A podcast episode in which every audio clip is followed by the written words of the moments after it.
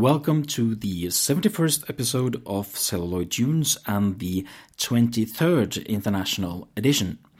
Celluloid Tunes is the first and only webcast about film music in Norway, and my name is Tor Joachim Haga.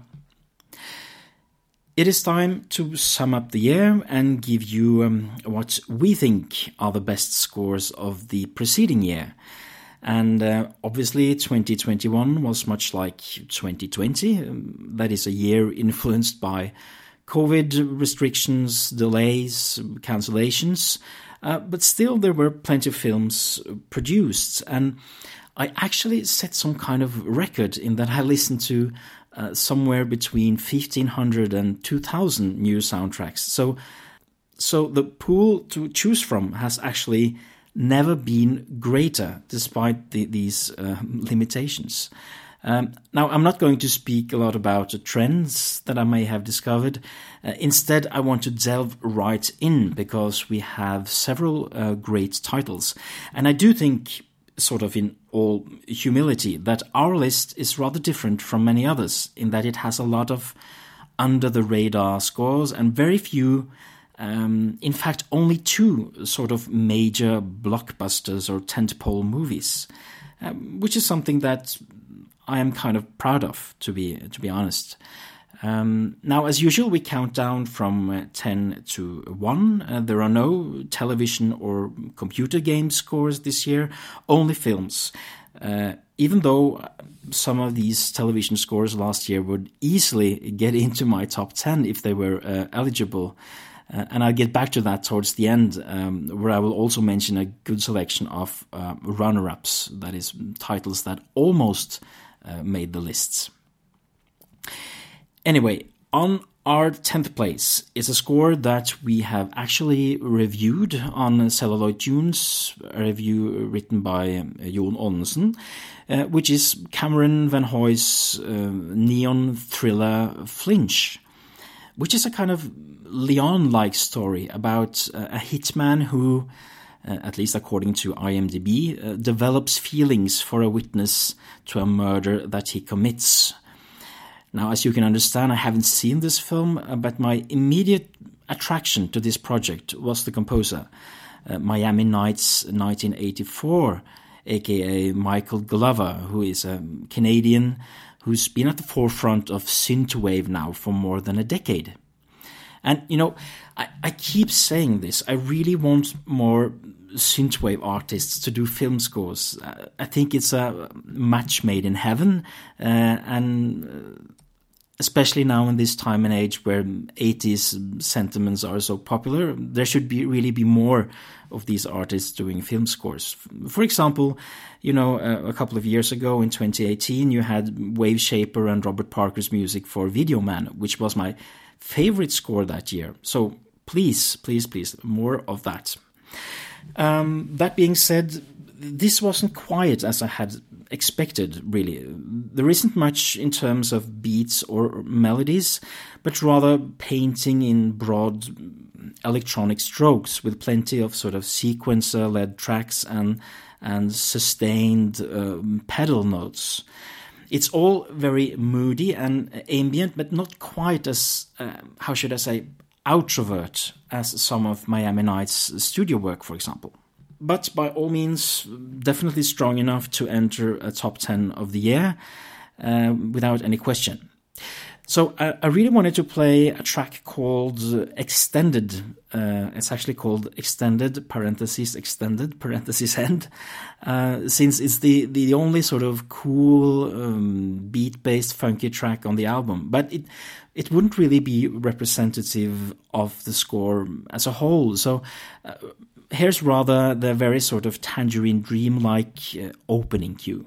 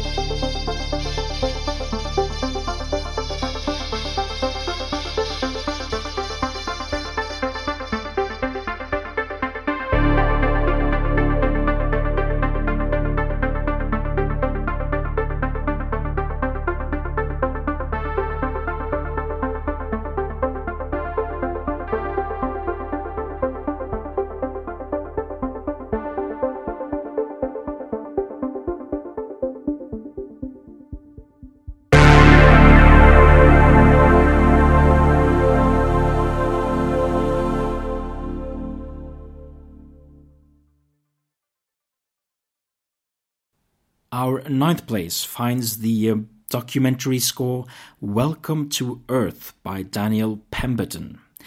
Now, Pemberton has been a rising star for several years now. In fact, so much that he's now, I consider him well established and one of the most sought after composers of his generation. Uh, at age uh, 44, which is the same age as me, so it's my generation, I guess. Uh, now, while many sort of gravitated towards his score for being the Ricardos last year, I found Welcome to Earth his best effort.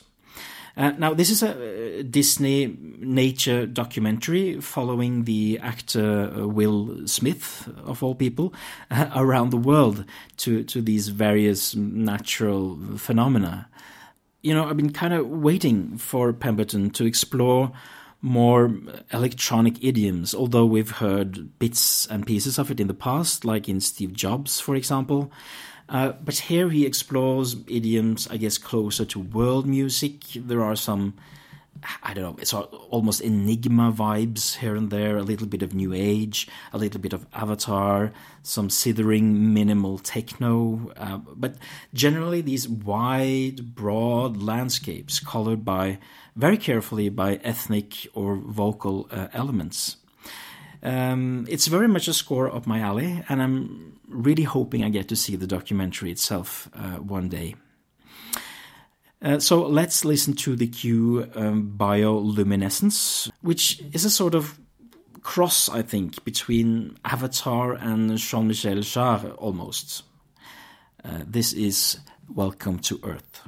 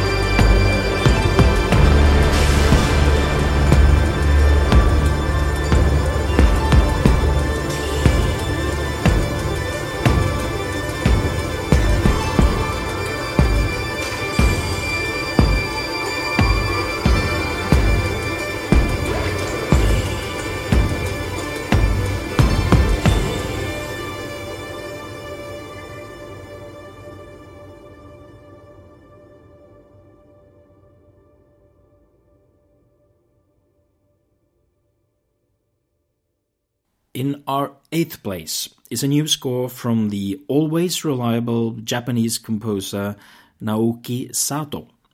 Uh, it's a film called Masquerade Night, directed by Masayuki Suzuki, and a sequel to the 2019 film Masquerade Hotel, uh, also directed by Suzuki. Again, I haven't seen this film. Its distribution over here is, is fairly limited, I think, but it's a proper crime movie, as far as I know, about a policeman that goes undercover at a hotel um, because they've received a tip about a murderer that is attending some kind of masquerade night event. And as usual with Sato, it's a big, lush, symphonic soundscape uh, in a fairly sort of old fashioned romantic style. Uh, as, as, exemplified in the opening main title waltz for example. You know, I'm often amazed by the size and scope that these Japanese film and TV productions are afforded. Even more so, I think, than than productions in Europe and even in Hollywood. The, the, sheer size of the orchestra, or maybe it's the way it's mixed. I don't know, but it's it sounds very big. Um, and there is definitely a sort of film noir vibe running through this uh, but not really through jazz and saxophone and those kinds of tropes, but rather sort of dark and foreboding with, with prominent use of uh, accordion, actually. Maybe there's some kind of link there between the use of accordion and the masquerade. Uh, I don't know. It's all very elegant as usual with, with Sato, uh, who has previously impressed me with scores such as uh, Unmei no Hito, um, Moribito, Guardian of the Spirits, and uh, actually another cop drama called Kyojo, uh, which almost made last year's list. Anyways, here is that muscular opening waltz that I spoke of called Masquerade Night opening titles.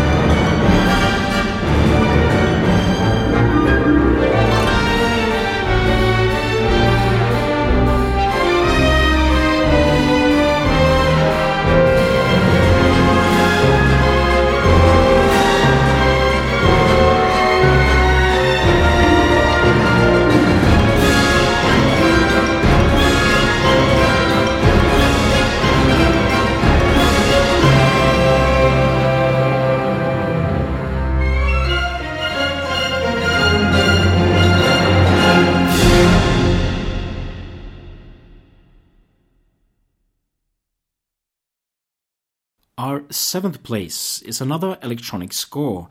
It's actually from a documentary about electronic music called Underplayed, more specifically about uh, overlooked female composers and DJs throughout history.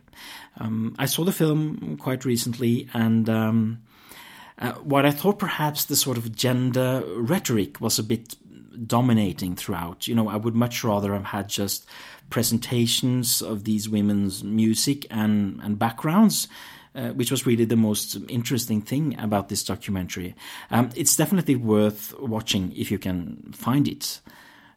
And of course, befitting a documentary about female electronic composers, the score proper is also by a woman named Kate Simko.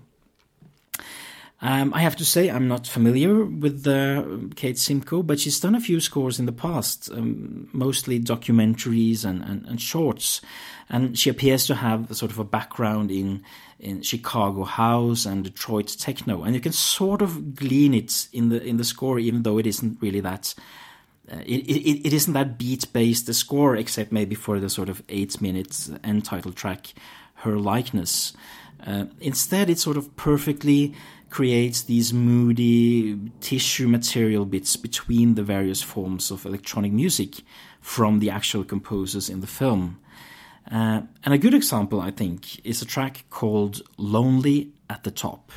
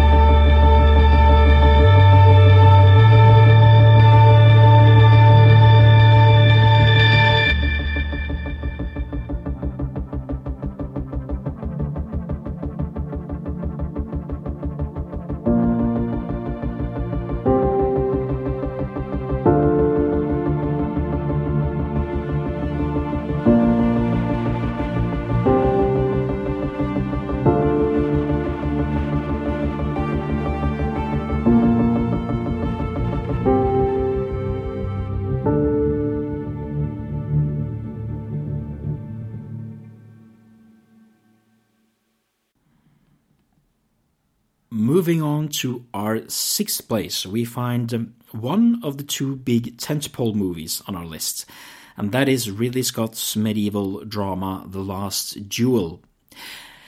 Now, I have to be perfectly honest first. I have um, some serious issues with the film, and I think 2021 was the first time in a long time where I've been disappointed in a new Ridley Scott film. You know, Ridley Scott is my second favorite director of all time after Steven Spielberg. Because both this film and House of Gucci uh, failed to engage me. In the case of House of Gucci, it was this sort of overblown comical soap opera thing that just didn't appeal to me, and I don't think Ridley Scott is very good with comedy, to be honest. Now, in the case of The Last Duel, it doesn't really have to do with, with the staging and the mise en scène, uh, which Scott always does well, you know, you know, the visuals. It's rather to do with the character portrayal. Uh, because you know you see the same event from three different perspectives, like in Rashomon, uh, the first two by the men and the third by the the woman, and the third, of course, presents uh, the truth. But in an effort to sort of highlight the, the poor conditions of women in medieval times, which is, I think, fairly obvious to everyone, uh, the male characters are reduced to cardboard props. So it's a bit surprising, actually, from Scott, who usually has these very strong female characters that just grow organically out of the stories, whether it's uh, Ripley in Alien, or, or it's G.I. Jane, or Thelma and Louise. Um, so yeah, but anyway, that issue aside, the score by Harry Gregson Williams is absolutely uh, excellent, I have to say. Um, and in many ways, it's the sort of little brother, I think, to his masterpiece, Kingdom of Heaven, also for Ridley Scott. In uh, that it uses these choral religious elements mixed with the medieval uh, instrumentation and these propulsive rhythmic flavors. Uh, okay, it cannot it, it, cannot even compare to Kingdom of Heaven in terms of quality, um, but I still think it's good enough to to make our lists. I mean, any little brother of Kingdom of Heaven would make any top ten. That's my proposition. A good example is the track "I Offer You a Name."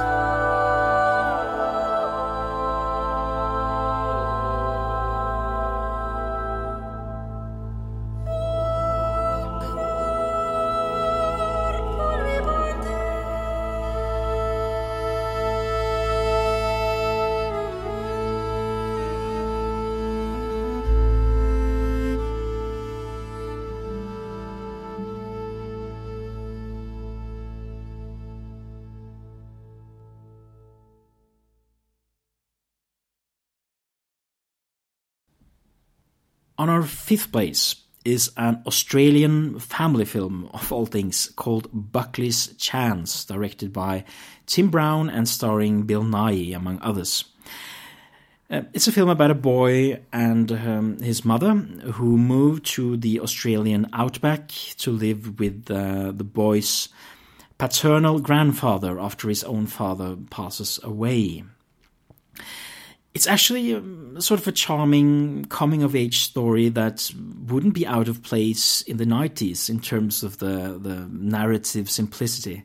Um, and the same can really be said about the score composed by Christopher Gordon, uh, one of the foremost veterans of Australian film music, with um, excellent scores on his resume, such as uh, Mao's, uh, Last Dancer, Moby Dick, and On the Beach, just to mention three. Um, and unlike a great many orchestral scores these days, this is sort of filled with with themes, with very defined themes, with sparkling uh, orchestration and a sort of great dynamic range, which you don't often hear these days. I think that's the the, the finesse uh, of a guy who's been composing orchestral music for a few decades. You have to have a certain amount of experience, I think, to to compose orchestral scores like this. Um, in fact, you could say that it's even so how should I say, so full bodied that it sometimes uh, is at odds with the sort of more modern and digital look of the film. Uh, it's like it's accompanying another film altogether, an old 90s uh, adventure film filled with grain and, and, and grit. Um, but that obviously means that it also gets to shine on album, often in these very long tracks at 10 minutes uh, plus.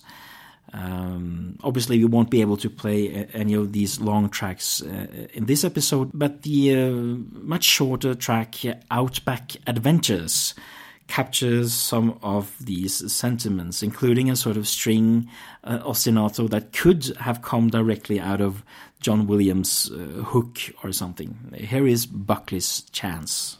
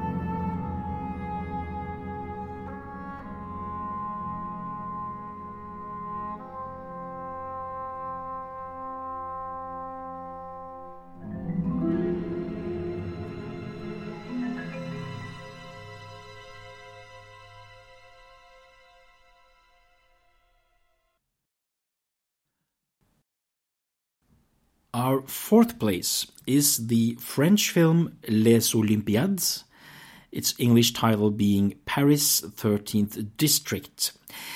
It's the um, latest film from the esteemed French director Jacques Audiard um, about a group of friends, three girls and one boy, uh, with a sort of very fluid relationship in terms of uh, friendship and, and lovers, I guess. Uh, it premiered in Cannes um, last year, but so far hasn't been picked up by uh, any Norwegian distributor, so I haven't seen it. However, I was delighted to see that the score uh, was composed by Rone, one of the most exciting young, well, younger, he's 41 years old, uh, exciting younger electronic composers these days. Um, now, Audiard, of course, has frequently worked with the composer Alexandre Desplat, especially in the early days of his career. Uh, but for this film, he tries a sort of different direction, and I think it works very well. Rone, um, aka Erwan Castex, uh, first came to my attention in 2016 uh, with his collaboration uh, with Jean Michel Jarre on the electronic albums.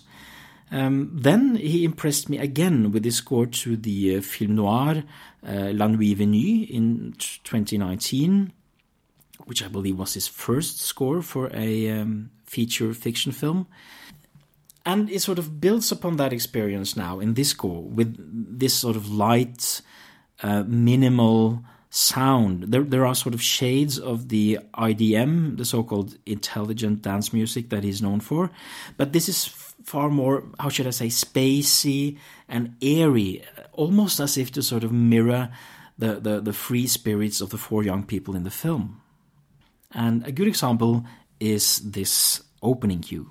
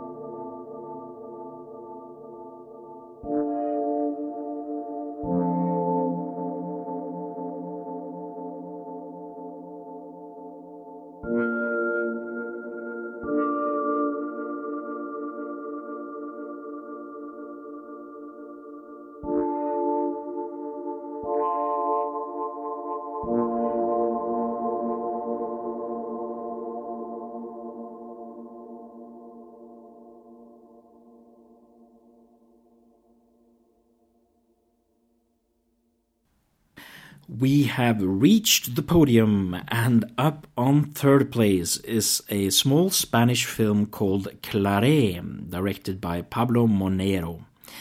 Uh, it actually premiered at a festival in uh, 2020 already, but um, had its wide distribution in 2021, so it does count in this list.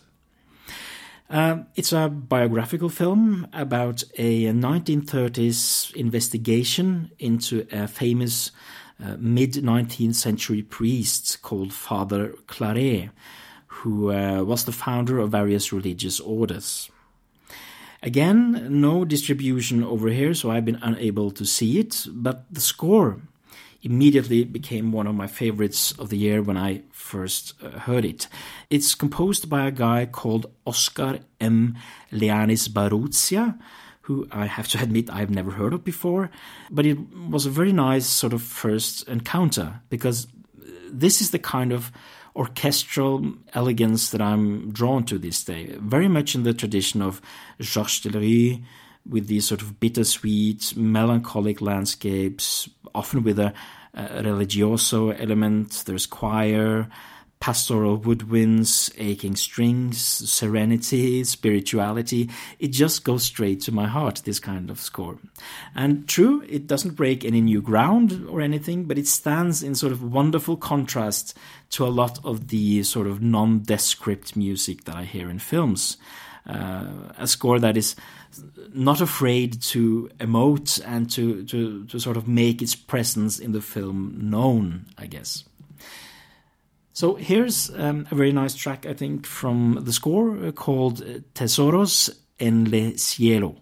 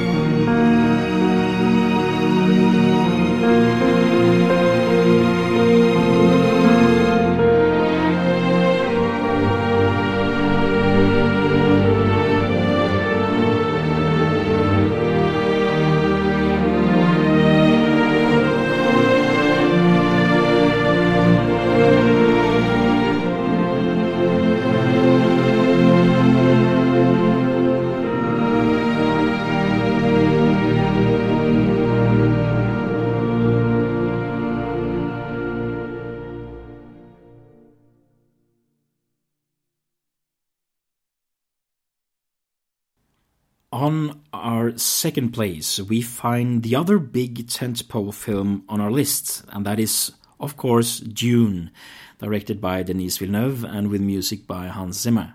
Um, the film, I have to say, is also one of my, It's, is not one of my, it's my favorite film of the year. Uh, and I mean, it was meant to be uh, with Villeneuve uh, mythological sci-fi, Hans Zimmer. It had all these right ingredients to succeed, um, and it did. Which is rather impressive when you think about all the difficulties surrounding previous attempts to adapt Frank Herbert's universe to film. Uh, but I absolutely love the the sort of credibility that Villeneuve added, and the sort of many poetic dream sequences and flash forwards that gave all these impressive vistas and action sequences more of a psychological depth, I think you could say. So I'm really looking forward to the second installment of this film. Um, although Hans Zimmer often collaborates with um, a lot of people, I find that his best work is usually when he has solo credits on the cover. Uh, that's when he sort of really pushes the uh, envelope, like for the Christopher Nolan movies, for example. And I have to say that he does the same here, combining some gladiator-like elements, you know, especially the, these Middle Eastern colors and vocals, with some of his more contemporary styles. You know, the big muscular chords, the dark ambient soundscapes, the percussion, the electric guitars. It's sort of a full-bodied concept piece that feels slightly alien, slightly familiar, just perfect for the kind of credibility that Villeneuve um, nurtures in the film. Although I would perhaps have shortened the album a little bit from the 71 minute running time. Uh, anyway, it's not easy to pick a highlight track because it really comes together as one one piece. Um, but perhaps the track, the last track, "My Road Leads into the Desert," will have to do with its sort of soft, cautious first part and its wide open, hopeful uh, finale. This is Dune.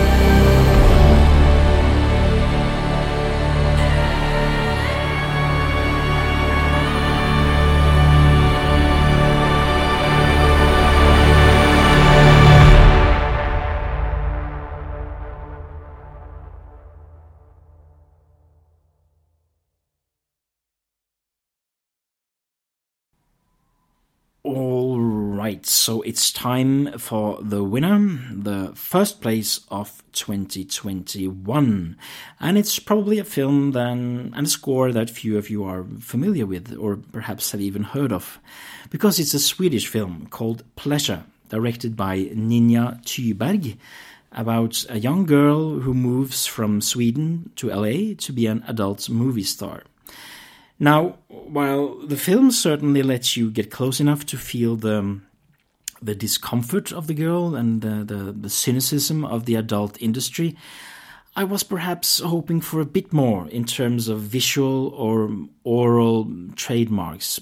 Like, for example, uh, the Neon Demon did a few years ago when it highlighted the, the equally cynical and cutthroat fashion and model industry. Um, but by all means, an honest and good film about the loss of um, innocence.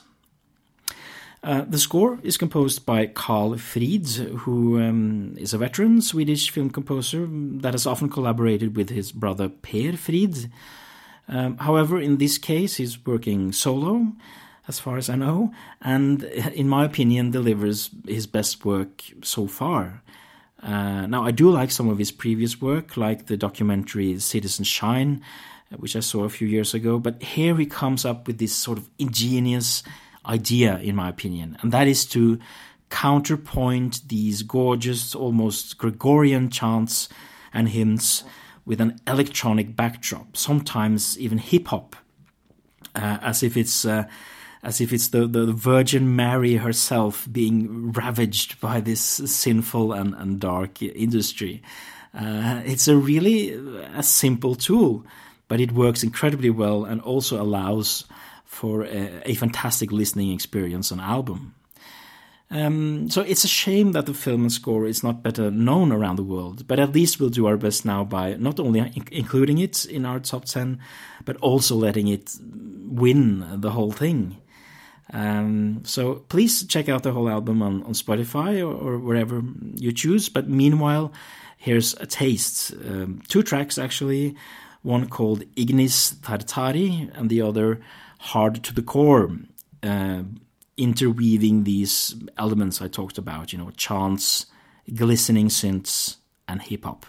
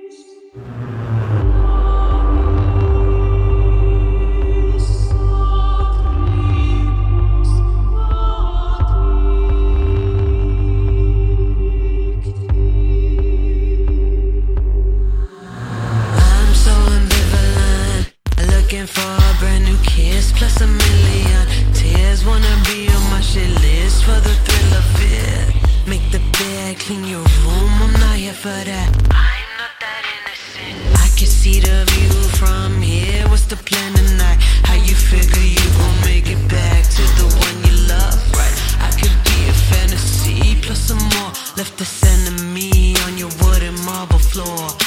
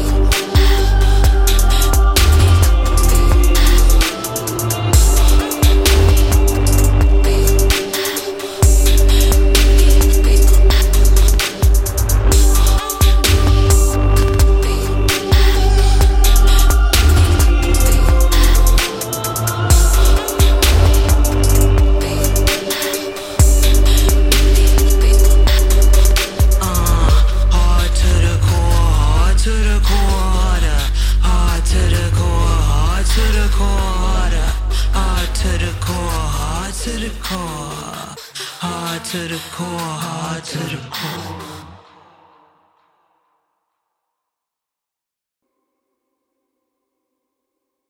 So, with those two cues from um, Pleasure by Karl Frid, the best score of 2021 according to Celluloid Tunes, that was it for our uh, top 10. Now, I said in the beginning that I was going to mention some runner ups, and so I will. Uh, these are some titles that I consider mm, really good, that are highly recommended without a question, uh, even though they are not top 10. And these titles are 200 Meters by Faraj Suleiman, Oxygen by Rob, There Is No Evil by Amir Molookpour, Wood Girls, A Duet for a Dream by Amir Molookpour. Again, I have to say that the Iranian composer Amir Molookpour was one of the great discoveries actually I made in 2021. Um, we have Army of Thieves by Hans Zimmer and Steve Mazzaro. We have Evangelion 3.0 plus 1.0, Thrice Upon a Time, what a title, um, by Shiro Sagisu. Man of God by Zbigniew Preisner. Minari by Emile Mosseri. To Olivia by Debbie Wiseman. In the Wake by Takatsugu Muramatsu. Dara of Jasenovac by Alexandra Kovac and Roman Gorsek. Raya and the Last Dragon by James Newton Howard. I have to specify at least parts of it. Uh, I had to make a playlist out of this album to make it a, a really good score, but but then it really is good as well. Uh, it's also reviewed on Celluloid Tunes. Uh, this game's called Murder by Bear McCreary. Uh, Night Teeth by Ian Hultquist and Drum and Lace. Anne Plus by Tess van der Velde. The Book of Vision by Hanan Townshend, Federico Pascucci, and Ericetta Underground. The Green Knight by Daniel Hart. Procession by Keegan DeWitt and Dabney Morris. And finally, The Unforgivable by Hans Zimmer and David Fleming.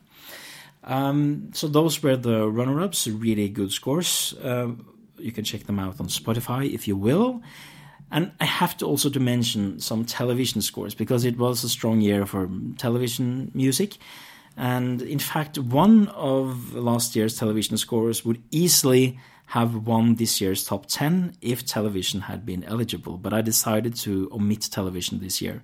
And the score I'm talking about is called Tunna blå linjen, or The Thin Blue Line, by Martin Hederos and Irina Gmeyner. It was a Swedish uh, crime show, cop show, um, with a fantastic electronic score. Easily the best score of the year if television had uh, been allowed to be included.